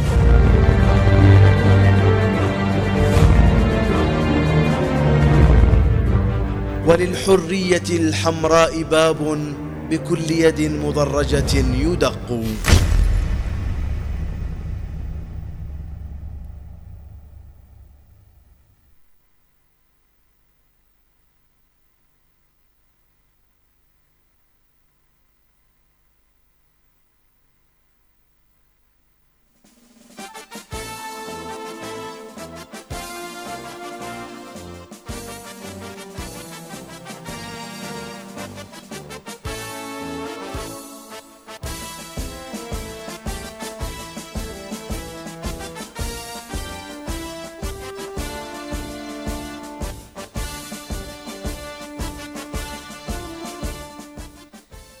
يقول الكاتب عبد الكريم النعوي أن تعد مجزرة سناح الدموية الجماعية الوحشية التي ارتكبها أحقر وأوضاع البشر على الإطلاق في العصر الراهن أبشع جرائم الإبادة الجماعية والتطهير العنصري التي نفذها مجرمو الاحتلال اليمني ضد مواطني الضالع الآمنين في تجمع العزاء بمنطقة سناح بتاريخ السابع والعشرين من ديسمبر عام 2013 وكان في مقدمة المستهدفين القائد المغوار شلال علي شاع كما تعد ميزرة أيضا جريمة حرب ضد الإنسانية بكل المقاييس والأصناف ونصوص القانون المحاك... المحاكم الدولية المختصة بجرائم الحروب ضد الإنسانية خاصة وأن مجرمي الاحتلال اليمني استخدموا فيها كافة الأسلحة الثقيلة بما فيها الدبابات والمدافع المتطورة. ومن مسافة قريبة جدا من موقع العزاء فحولت أجسادهم إلى أشلاء متناثرة اختلطت ببعضها البعض. مما تعذر بعضها الأهالي عن معرفة ضحاياهم وأقاربهم. وهذا آه، الشهيد من ذاك الشهيد حيث سالت دماءهم الزكية وتداخلت أشلاءهم الطاهرة حتى طمرت بقايا أجسادهم المترامية في جريمة لم يسبق لها مثيل في في مراحل التاريخ المختلفة. فيعجز المرء عن وصفها ووصف وهول وبشاعة وفذاحة وجسامة أضرار آه، هذه الكارثة المأساوية والمحزنة والأليمة. أعزائي المستمعين أينما كنتم؟ مستمعي إذاعتنا عدن 92.9 وعلى كل من يشاهدنا على قناة عدن المستقلة. حديثنا اليوم آه، ما زال مستمر وسنكون معكم في الحديث عن مجزرة سناح التي من خلالها سنتعرف عن آه، ال- ال- ال- الأمور ونعرف آراء أبناء الجنوب. فمعنا عبر الهواء مباشرة الأستاذ علي سنان. نقول صباح الخير. صباح النور واهلا وسهلا بكم وألف تحية لمستمعيكم ولكل طاقمكم. صباحك فل ورد وياسمين أستاذي. نتمنى لك رب صباح سعيد. أستاذ علي سنان مدير عام الثقافة وكذلك عضو المجلس الاستشاري للانتقالي وعضو المجلس العام لمنظمة الصحفيين والإعلاميين الجنوبيين. نستضيفك اليوم في برنامج صباح الخير يا عدن في إذاعة هنا عدن 92.9 لنتحدث عن الذكرى العاشرة لمجزرة سناح. ونسألكم ونتحدث معكم عن هذه المجزرة وهل نحن سننسى أم سنتذكر حتى ينال الجنى عقابهم؟ اولا آه، هناك توطئه أنه آه، قوات المحتل اليمني آه، للمحافظات الجنوبية لم تكن هذه الحادثة الواحدة أيضا سبقتها كثير من الجرائم المرتكبة بحق الشعب الجنوب وأهاليه وقراه ومدنه ولكن هذه المجزرة كانت أكثر وحشية لأنها مجلس عزاء. صحيح. فلن آه، يقدم النازيون الجدد للاحتلال اليمني إلا بقصف الساعة ما بين الساعة الثانية عشر والساعة الواحدة قصف الدانات المدفعية والدبابات ال- آه، يعني كل الأسلحة الثقيلة على مجلس عزاء راح ضحيته و15 شهيدا وعشرات من الجرحى من الأطفال والشباب وحتى الشيوخ. هذه المجزرة الوحية الوحشية تذكرنا ما يدور اليوم أيضا في آه، غزة في قطاع غزة اللي يقوم المحتل الصهيوني بقتل آه، والإبادة الجماعية هناك. المحتل الشمالي كان يريد إبادتنا إنهاء من الوجود. لكن ستظل هذه الذكرى عالقة في أذهاننا وهي كانت بمثابة الشعلة التي أوقدت وعججت نار الحقد على هذا ال- النظام الذي كان جاثما على صدنا 33 عاما إذ أن إذ أن هذه ال- المجزرة كانت هي المفتاح لما يسمى أيضا بحرب المقاومة في 1915 2015 والذي بالفعل تم تحرير أراضي آه، الجنوب ابتداء من مدينة الضالع وصولا إلى المناطق الحدودية في آه، 8 8 2015 وكانت الضالع أول المدن الذي سقطت بأي أو الذي حررت بايدي الثوار والمقاومة الجنوبية. اذا تظل آه، مجزرة سماح عالقة في الأذهان ولا تسقط بالتقادم وهذه المجزرة كانت في أروقة الأمم المتحدة ومجلس الأمن واتخذ مجلس الأمن قرارا وتوصية بإحالة هؤلاء الناس والتحقيق الفوري في جريمة مجزرة سماح هذه مجزرة سماح ستبقى عالقة ليس عندنا. نحن أيضا نعلم أطفالنا وأطفالنا يعلموا أطفالهم لتكن عالقة في ذهن كل جنوبي أن هذا المحتل لا يروم إلا عبادتنا وإنهاءنا من الوجود. نعم آه، محاولاتهم المستمرة التي كانت تحاول إخماد صوت آه، الجنوب ومحاولة آه، العبث بأرض الجنوب. وهذا خلف أكثر ما يقارب 40 شهيد وأكثر من 100 جريح خلال محاولات متتالية ومستمرة. ال- الهدف منها كان ليس فقط أنهم يأخذون أرض ولكن الهدف منهم هي إبادة جماعية وتبديل القوم غير القوم. وهذا الشيء الذي كان للأسف الناس ساكتة عنه ولكن هيهات. أين هم من أين نحن الآن؟ أقول أن كسر إرادة الشعب الجنوبي لا يمكن لأي جهة أو أي قوة أن تكسر إرادة هذا الشعب. فهذا الشعب أبي هذا الشعب تواق هذا الشعب أثبت أثبت للعالم أجمع عدالة قضيته. أثبت للعالم أجمع أنه صاحب ومالك هذه الأرض ويروم أيضا زي- مثل مثل شعوب العالم أن يكون حرا سعيدا في عرضه. آه هذا الشعب أبي لا ينكسر. كسر شوكة هذا الشعب لم يتمكن المحتل الأول والثاني والثالث أن يكسرها هذا الشعب ذو إرادة صلبة ذو ذو- مكانة آه، يسمو بها نحو ذرى المجد. هذا الشعب تطور وتربى في معمعان النضال على مسيرة أكثر من 60 أو 60 عاما. شعب شعب سيعاني سي- سيجوع سيعذب سي- سيسجن سيطارد سيهمش لكنه لن ينكسر أبدا ولن يركع إلا لله الواحد القهار نعم آه، أستاذي. عشر أعوام مرت على هذه المجزرة في مخيم آه، عزاء الشهيد فهمي سناح. ولكن الجنوبيين لم ينسوا آه، الجنوبيين عامة وكذلك أصحاب آه، آه، الضالع خاصة لم ينسوا هذه الجريمة الدموية الإرهابية. وإحنا في كل مناسبة وكل ذكرى آه، تحل علينا نجدد العهد والوفاء للشهداء والجرحى بأن دماءهم وآلامهم لن تذهب هدرا ولن تذهب سدى ولن تسقط بالتقادم كما قلت أستاذي. مهما كانت الظروف والمتغيرات وعهدا ووعدا أن ينتصر الوطن بدمائهم. ف آه، لم يقدم بالشيء القليل وإنما قدمنا أرواح. يعني المنزل الواحد آه، كان يعني أو الشخص الواحد كان يمثل آه، آه، عدة أسر مترابطة مع بعض البعض. ذلك اليوم كانت ليست الضالع فقط هي حزينة بأكملها وإنما آه، الجنوب وصولا إلى حضرموت. فالأمر هذا يعني نستطيع أن نخبر شعبنا الجنوبي برسالة واضحة أنه مهما كان أعداؤنا آه، يملكون من الأشياء لكن إحنا سنكون ضدهم بالمرصاد بكل ما أوتينا من قوة، بكل ما أوتينا من قوة، بالسلاح، باللسان، بالأفعال، بكل شيء، وهذا ما يميز الجنوبيين في صمودهم، يعني أكثر من احتلال مر علينا من ذو البريطان وحتى الاحتلال اليمني، لكن ما زلنا صامدين رغم كل هذه الظروف.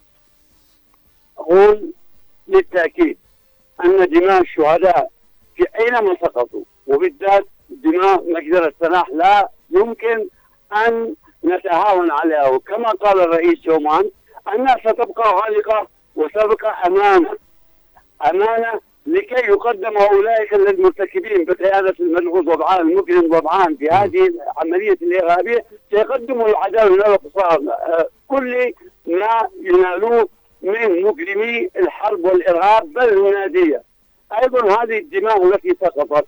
أقول وأعطف على كلام سابق قلنا أن جماهير الجنوب ابتداء من المهرة وانتهاء باب المندب قد لبوا يوم الثالث عشر من يناير يوم ذكرى التصالح والتسامح كلهم في مليونية راجلة من مدينة الصالح حتى صوب سنة وكان ملفتا للنظر أي بعد شهر مباشرة كان الأهالي كل الجنوب يتضامنون مع آه، شهداء مجزرة سنة نقول لكل ذوي الشهداء أينما كانوا؟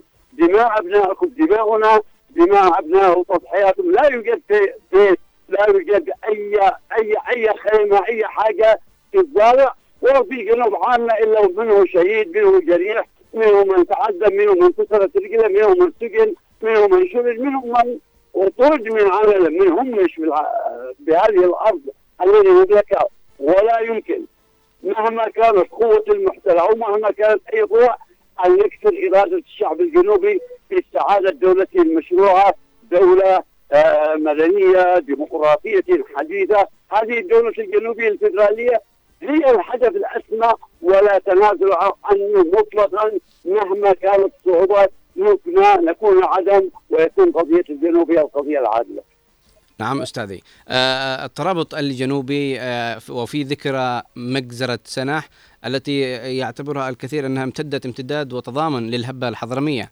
آه، الناشط الشاعر يقول أنه في مثل هذا اليوم أنه عندما حدث مجزرة سناح في الضالع من قبل مجرم ضبعان وقائد اللواء الثلاث وثلاثين مدرع كان لا يفرق ما بين طفل وبين شيخ ومسنين ونحن شاهدنا تلك الصور. تقطعت أجسادهم إربا إربا وتناثرت على الجدران. وهذه تلك المجازر خلفت أحزان شبه أبدية في كل قلوب الجنوبيين وأسر أهل الضحايا والمحتجزين آه، وجميع الناس. فإنها عبارة عن إيش؟ إنها آه، استجابوا للهبة الشعبية في حضرموت وهذا ما جعل التعنت الاحتلال اليمني آه، قائم ضد أبناء الضالع. كانت آه، مجزرة وغيرها هي مثابة شرارة. هذه الشرارة أشعلت الجنوب كله من حضرموت إلى المارة إلى شبوة إلى كل المناطق. هبت الناس لمقاومة هذا المحتل كما هي عادته منذ 1994 بعد حرب 94 هب الناس يعني وحدة واحدة بالرغم من الألم من المعاناة إلا أن أي مواطن الطفل الآن الطفل الصغير في أرض الجنوب تعلم وتفولت إرادته وتفتقت عقوله لأنه لا يمكن لا يمكن أبدا أن ننسى أن ننسى العذابات. لا يمكن أن ننسى دموع أولئك السكالى والأمهات. لا ننسى أيضا تلك ال- الجنائز التي كانت بشكل يومي. كان الإنسان يقصف في بيته لأنه بنى دورا من آه، فوق وسطح منزله. تأتي الدبابة وتقتل ممنوع عليه يعني يبني ممنوع عليه أن يتحرك ممنوع عليه حتى حتى يعيش ممنوع. فبالتالي كنا في عذابات الحمد لله. أقول الحمد لله بفضل المقاومة الجنوبية بفضل القوات الجنوبية نحن نعيش الآن بسلام بأمن وسوف نستكمل كل تحرير كل تراب أرض الجنوب لينعم كل الجنوبيين ونحلم وبإذن الله بإرادة الشعب الجنوبي بإرادة المجلس الانتقالي الجنوبي بقيادة الرئيس الرمز الرئيس القائد الرئيس قاسم الزبيري ومعركتنا سنخوضها الآن في معركة أروقة في الأمم المتحدة مع دول العالم لكي يكون العمل السياسي والمقدمة استنادا ومكملا للعمل العسكري وكذلك الخدمات وغيرها لينعم شعب الجنوب بما حرم من خلال الفترة الماضية. نعم أستاذي. جريمة هذه الجريمة عكست حقيقة العقلية الدموية التي آه، يقود بها نظام العصابات الجنوب عقب احتلاله. شهدنا من الجرائم والجريمة التي حدثت كان هناك تخاذل لكل القوى السياسية وسلطات النظام الحكم وتخاذل كذلك إقليمي ودولي آه، آه، لم يحركوا ولم ين- ينطقوا ببنت شفة لكن إذا كان هناك رسالة أستاذ علي محسن سنان تستطيع أن تقولها لكل من يسمعنا هنا عبر إذاعة عدن وقناة عدن المستقلة ماذا ستكون؟ يعني نكون انه هذا التعاون الدولي الذي كانوا بمنظمات المجتمع المدني وهذا المنظمات الحقوقية والإنسانية بالفعل وقفت مع الضارع، لكن أقول أن تضحية شعب الجنوب شهداء الجنوب يعني يفوق الس- ال 22 ألف خلال فترة الحكم الشمالي. صحيح. كذلك الآن الجرحى الجرحى إلى اليوم إلى اليوم هذا كان في تعاون ال- ال- ال- ال- القوى الشمالية القوى الإرهابية كانت تنظر للجنوبيين حشرات وليسوا رجال صناديد يمكن الدليل على ذلك إنه آلاف مؤلفة من الكادر ذات المستويات العالية المؤهله عالميا بقول. انها ركنت في منازلها. كنا لهم. كن كانوا ينظرون إلى اننا يعني نتسول نتسول الحياة ونتسول المعيشة لديهم. لكن هيهات. لا ونقول هيهات هيهات. لا يمكن أثبت شعب الجنوب. وخصوصا في 1000 2015 وبالذات في 24 مارس عندما بدأ الاحتلال الايمن تلاحظ أن كل جماهير الجنوب. عن ذكرى أبيها هبت للدفاع والتحرير كانت راغبة من الظلم والجور الذي كان نقول للعالم أجمع أن قضية شعب الجنوب هي قضية العادلة بامتياز وأننا مهما طال الزمن أو قصر سنأخذ حقنا إما بالعمل الدبلوماسي والسياسي إما بالقوة.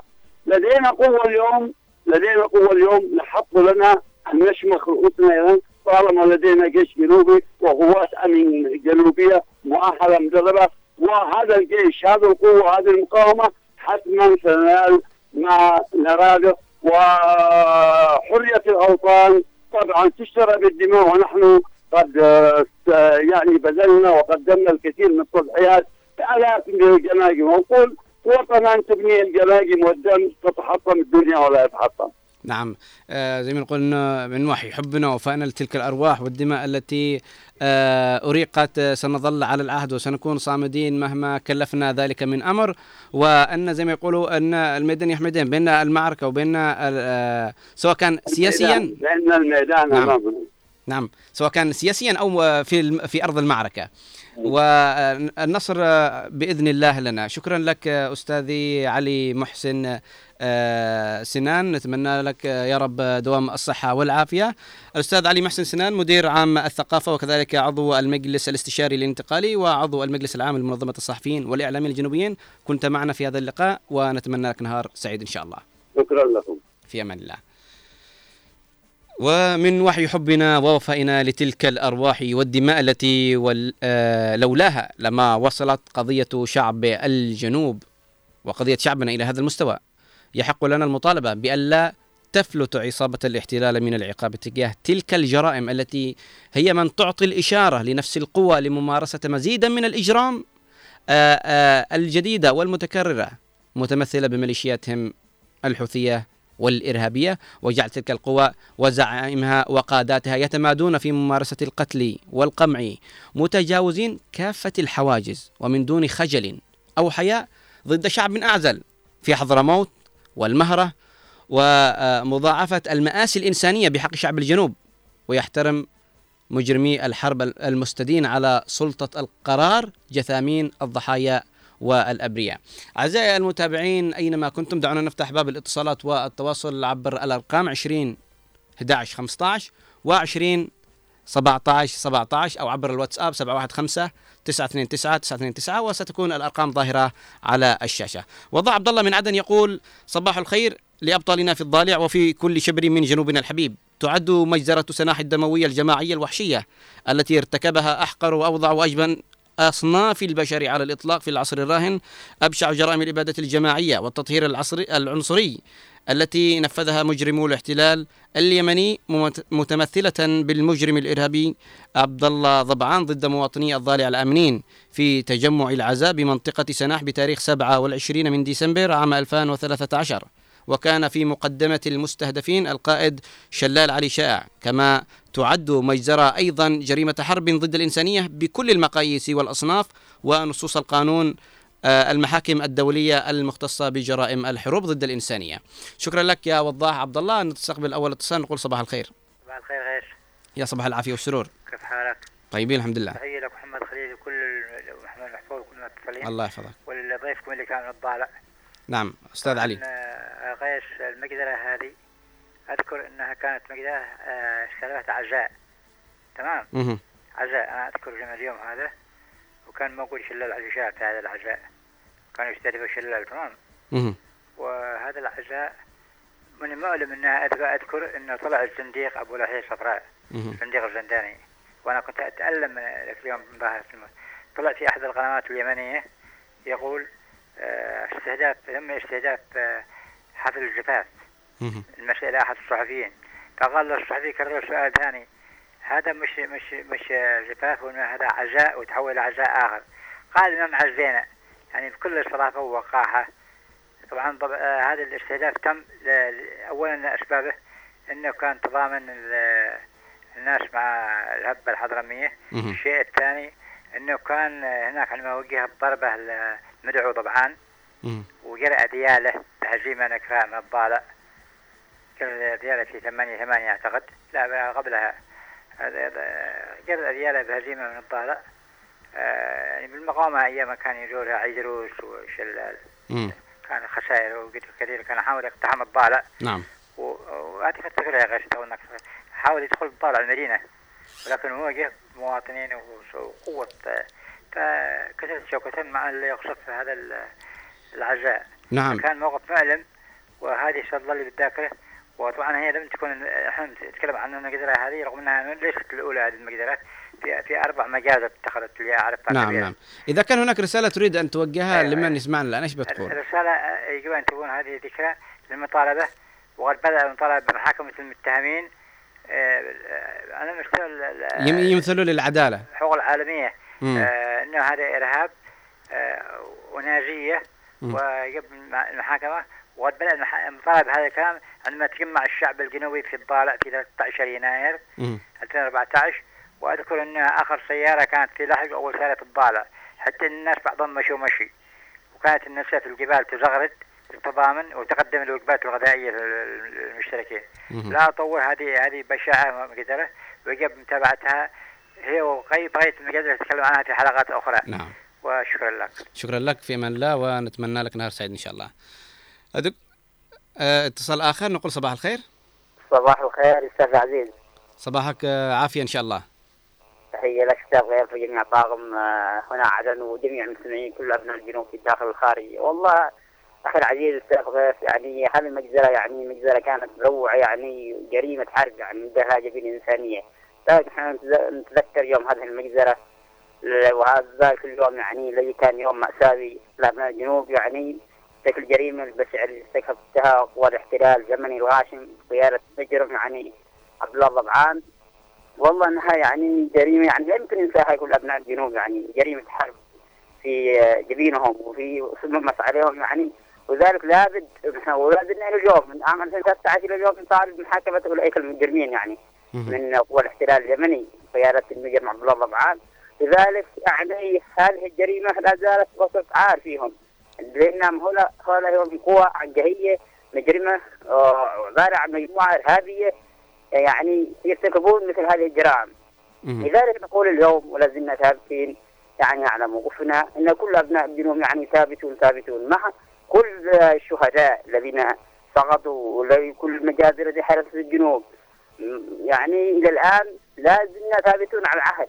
فالجنوب غالب بإذن الله سبحانه وتعالى. ونحن ثابتون بقيادة رئيس الرمز عدروس الزبيري حفظه الله ونحن خلف الجيش المتغالي مهما كانت معوات مهما ما حدث لذلك نقول ما يجزي ما تزيد مثل هذه الأعمال الا ثبات يعني وقوفا وصمود يعني في مثل هذه الأعمال الإرهابية. ولكن نقول يعني في الأخير يعني مهما حدثوا مهما عملوا مهما يعني عملوا من أعمال كل جرائم. يعني ففي النهاية كل مجرم سيحاسب وكل يعني متهم سيلاقي جزاءه إن لم يكن في الدنيا فهنا في الآخرة عند الله سبحانه وتعالى. لذلك يعني نحن صامدون صامدون. خلف قيادتنا خلف الرئيس الزبيري حفظه الله وخلف قيادة مجلس الانتقال الجنوبي في استعاده الدولة الجنوبية. فلا يمكن أن نفرط في أي ذرة أو تربة من أرض الجنوب الطاهرة في حقنا بإذن الله تستعيده. فمهما حدث ومهما حاولوا يعني تعجيل الجنوب يعني كثير من الأزمات كثير يعني يعرقلونا ولكن إحنا صامدون يعني خلف قيادتنا حتى نيل الاستقلال. إن شاء الله. فنحن نمر بأزمات يعني ولكن سنتجاوزها باذن الله تعالى بوقوفنا بصمودنا مع مجلس الانتقال الجنوبي. يعني ونقول لكل يعني الجنوب قادم بإذن الله فلا سلام ولا آمن ولا خير المنطقة كامل إلا بعودة حق أبناء الجنوب استعاده دولتهم. تحية لك أستاذ غيث وجميع آه، طاقم هنا عدن وكل المستمعين وكل أبناء الجنوب. تحية لكم جميعا. بإذن الله. شكرا لك آه، توفيق. الليثي نتمنى لك نهار سعيد إن شاء الله. كلامك آه، عين الصواب إن شاء الله. آه، رسالة من محمد اليافعي يقول سحر الجنوب باهر ورائع وكل آيات الجمال جامعة. فكم قلوب صادها بحسنه ولامست شغفها المرابع وكم عيون غردت لعشقه. فزينت بلحنها المسامع هاتان جنتان همت فيهما فيرفع ففيها تفردت والضالع يا سلام. شكرا لك دكتور محمد اليافي على هذه الرسالة. بنت الحق تقول آه، السلام عليكم ورحم الله شهداءنا وشهداء سناح والنصر قادم لنا بإذن الله تعالى. شكرا لك يا بنت لحق. وتقول رسالة نافذة الفرج التي يفتحها الله لك قريبة ولن يستطيع أحد إغلاقها ولو اجتمع كل من في الأرض. فإذا سألت الله فإذا سألت أحدا فاسأل الله. شكرا لك يا بنت لحق. أم عماد صباح الخير. إذا أعزائي المتابعين أينما كنتم معنا عبر الهواء مباشرة آه، آه، الشاعر مهدي حميد. نقول صباح الخير. صباح النور. صباح العافية ونتمنى لك نهار سعيد. ونتمنى لكم نهار سعيد ولشعبنا الجنوبي العظيم. و نعم. شكرا لاستضافتكم لي في هذا البرنامج العظيم. نعم نريدك أن تسمعنا بعض الأبيات التي تبث في صدورنا وفي أسماعنا الأمل والفرحة والعزيمة والإصرار. على طول بنسمعكم قصيدة بعنوان استرجاع الحق. تفضل. نقول فيها قال الجنوب الحر أديت القسم. باشر لحقي دي نهبت قصب أو ملزوم مكاني بعدكم بالسلم. حارب والقلم ما والله أرض الذل يكفيني وأنا محروم. والشعب الجنوبي انهم على رؤوس القمم. وصح دي عادة مغفل ما صحيش النوم تصالحنا تسامحنا وشدينا الهمم والغرب قالت والعرب ماشي عليهم لو. ذي الشعب الجنوبي صح من حقه ظلم. فترة طويلة له. ومن كل شيء محروم. يا رحمن يا دي تخلق الشيء من عدم. يا ناصر المظلوم يا دي تخلق المعدوم. تخارجني من الطغيان والناس الظلم. يذوقون المر باسم الوحدة المحتوم شفطوا باسمها ثروة بلادي والدسم كالسيل لا شل البلد. وزرعها والسوم بساعتها الجنوب يظل يشعر بالندم عشرين زايد عام قضاها وهو محروم. خدعت البيض لما قال للوحدة نعم وشعبنا ما هو بحاجتها غدا منعوم وصبحنا بلاغي ما كمال إحنا قنم تسرح وتاوي ضايعة وتلاطمتها القوم يا لو ما هبعتوا شعبكم ببخس قيم يلعنكم التاريخ هو الشعب حتى اليوم لا وحده ولا فدرالية بالانسجم لما الحجر تنطق لغة فصحى لهم مفهوم والأشجار والأحجار تنطق والصنم ما أقبل الوحدة مع عباس الأصنم شلوا كل شيء ما عاد فوق الانجرم ولا مغاب الفروة اعطاني معه فرثهم ترجع برامي للشريجة والعلم وإن كان لمسة فوق صيره ترفع الأعلوم وفي تسعين ما يقال وحدة قد رسم سموه يوم العيد وإحنا يومنا المشؤوم. كم يقتل وكم يأسر وكم شرد أمم. بالمدفعي والطائرات الميج والفنتوم ولا مصنع ولا غيره بقي فيها سلم وفوق ذا عاد يشاتمني وهو مشتوم مول الحق يدعس كل ظالم بالقدم.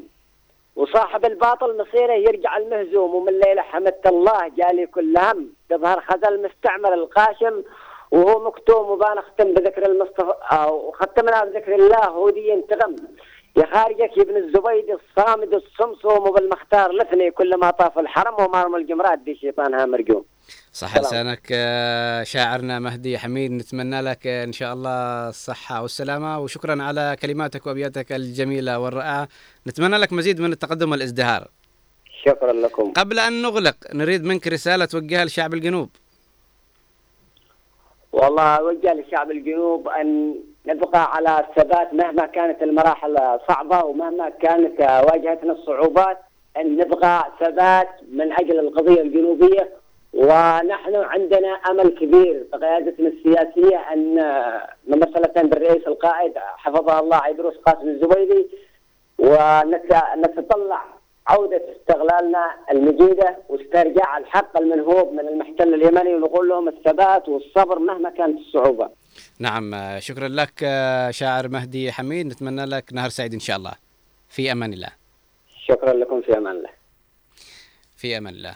طبعا أعزائي المتابعين أينما كنتم ما زال آه، الحديث مستمر عن هذه المجزرة وما زال استقبالنا للمكالمات وكذلك الرسائل آه، مستمر. ونريد أن نقول أنه آه، آه، للحديث عن موضوع مجزرة سناح وما حدث فيها من أشياء أليمة وأشياء محزنة نريد أن نعمل لأجل هذه ال- المجزرة ون- ونحاول قدر الإمكان أن نلف الملفات وكل الجرائم التي ارتكبت منذ عام 90 وحتى اللحظة وتقديمها إلى مجلس الأمن الدولي والأمم المتحدة ليتسنى لنا كشعب أن نحمل تلك أن نحمل تلك الجهات آه، المسؤولة استمرارية معاناة شعب الجنوب بسبب خذلانها وعدم محاسبتها لنظام الاحتلال ضد جرائم الحرب والجرائم ضد الإنسانية التي ارتكبتها. ومستمرة حتى اليوم في ارتكابها وتتعمد في آه، إطالة أمد الحرب مرارا وتكرارا مرارا وتكرارا ومضاعفة معاناة شعب الجنوب من الناحية السياسية والاقتصادية آه، والاجتماعية. ونريد أن نقول لهم ويمكرون ويمكر الله والله خير الماكرين. وإن شاء الله بتنفيذ قرارات مجلس الأمن الدولي آه، اللي متعلقة بالجنوب عقب حرب 94 آه، طبعا رسالة وصلتنا. يقول صباح الخير آه، عليكم.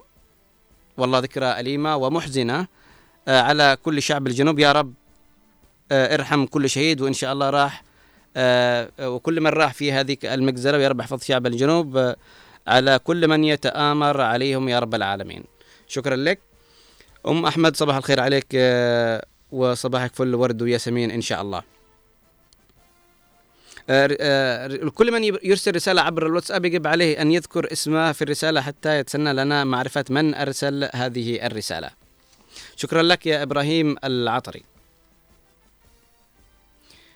طبعا آه، دائما وابدا نكون معكم في هذه آه، التغطية المستمرة ومستمرين في استقبال المكالمات الهاتفية ونستقبل هذه المكالمة نقول صباح الخير.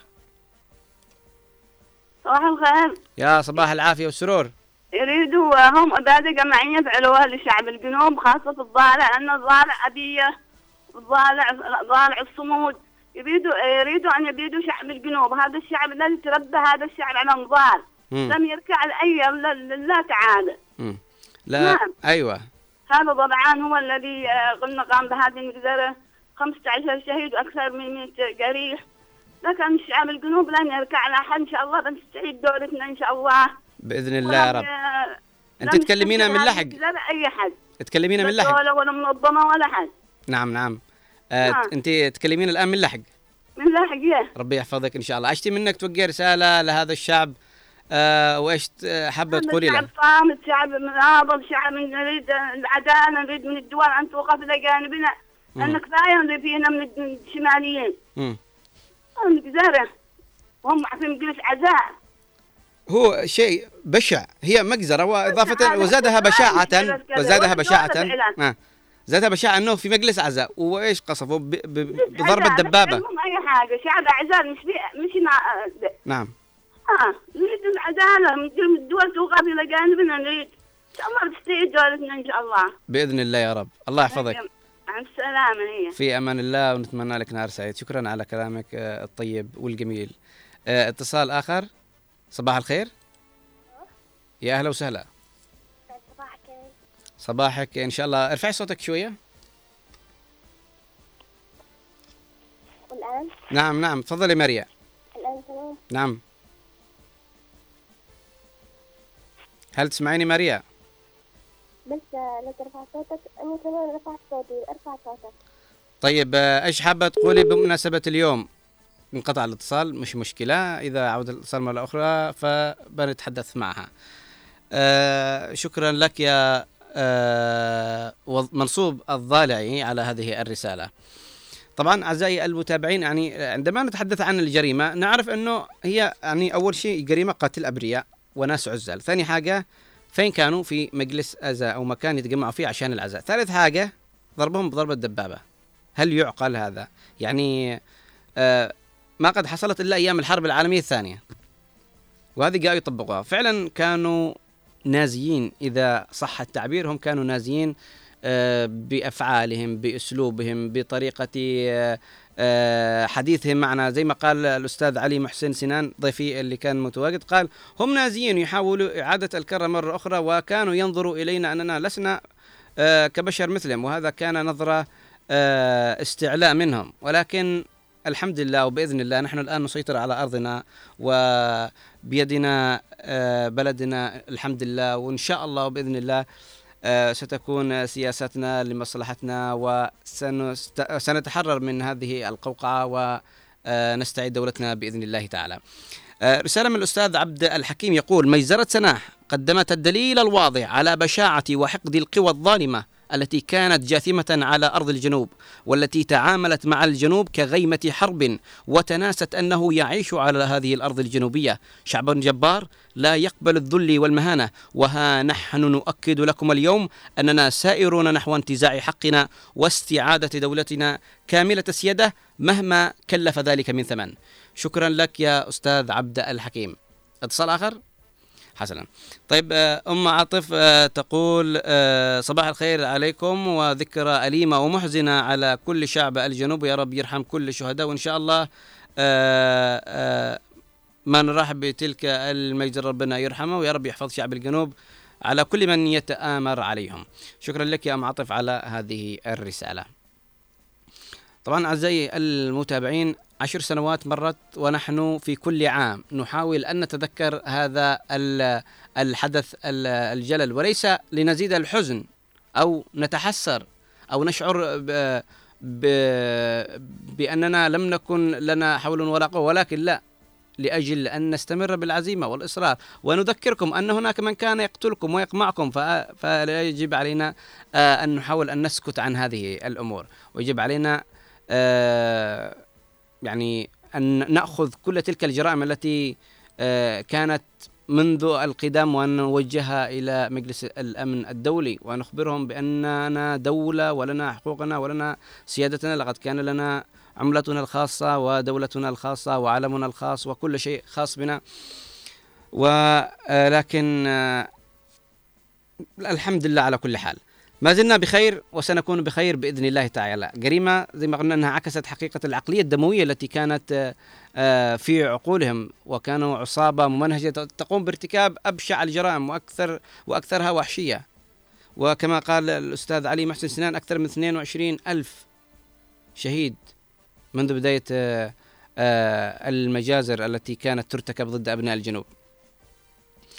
آه، خيارات إنتاج الجرائم قد اعتمدت عليه مبكرا منذ اليوم الأول التي أتت إلينا من دخولنا النظام في نفق 22 مايو.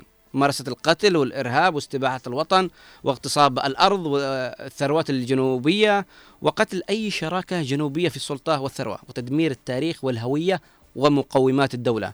وكذلك لا يجب أن ننسى أو نتغاضى عن أن هناك كان تصفية للكوادر وقيادات دولة الجنوب وهي القناعة التي أنتجها الغازي منذ 22 مايو عام 90 مرورا لاجتياح الجنوب عام 94 وصولا إلى مرحلة الثورة الجنوبية ومحاولة قمعها لإسكات صوت الحرية التي انتفض شعب الجنوب مطالبا بها. وهناك من المجازر الوحشية ما لا يعد ولا يحصى والتي آه، يعني آه، أراد بها قمع إرادة شعب الجنوب. فمن وحي حبنا ومن وحي وفائنا لتلك الأرواح والدماء التي لولاها ما وصلت قضية شعب الجنوب إلى هذا المستوى يحق لنا المطالبة بألا تفلت تلك العصابة من العقاب تجاه كل تلك الجرائم التي آه، كانت تعطي إشارة لجنودها بأن يقتلوا ويهمشوا ويعذبوا ويأخذوا.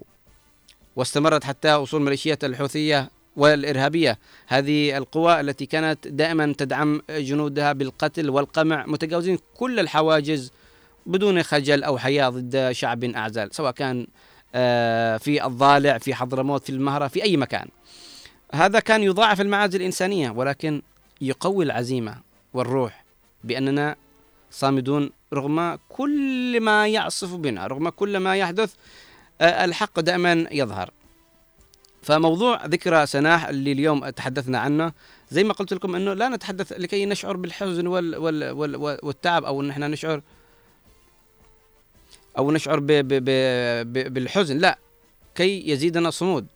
العودة إلى مضمون موضوعنا وذكرى مجزرة سناح نقول بأنها كانت عن هجية آه، عن جهية وحقد وجبروت. الاحتلال وإرهابه بات عاجزا الآن في تحقيق أهدافه وتنفيذ مخططاته. ولم يثني أبناء هذه الأرض أو أبناء هذه الأرض الأبطال من الصمود بل ظل أبطال الضالع يقارعون تلك الوقائع المريرة التي كانوا يخوضونها مرارا وتكرارا وكل يوم. وبكل الوسل والطرق تطلعنا لتحقيق أحلام شعب الجنوب في التحرير والاستقلال واستعادة الدولة للعيش بحياة كريمة وحياة آمنة.